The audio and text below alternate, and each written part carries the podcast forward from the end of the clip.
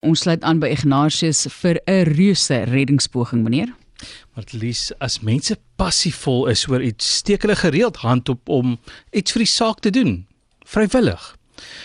So het ek op 'n stadium bo teen 'n berg gebly en pofadders het kom kuier. Dan weet jy, jy bel 'n slangvanger.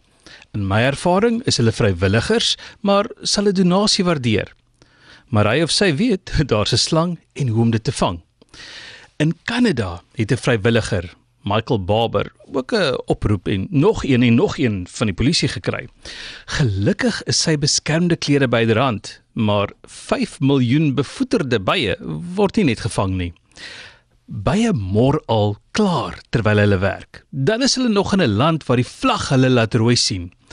'n Rooi estoringblaar wat hulle herinner dat daar verlede jaar 104,6 miljoen kilogram estoringsstroop geoes is terwyl die bye bietjie laks was met die heuning op minder as 34 miljoen kilogram. Gegee die bye se gemoed, 'n mislukte gedwonge verskywing met 'n vragkorwe wat van 'n vragmotor afval, moet jy maar weet, hulle gaan skoon steeks wees as die gewillige meneer Baber van Try City Bye Redding daar opdaag. Ek vermoed hy moes meer die mense as die bye tot redding wees. Barber bel te verbystand. So wat 'n dosyn byevangers het bye van motors en lamppale na hulle korwe gelok.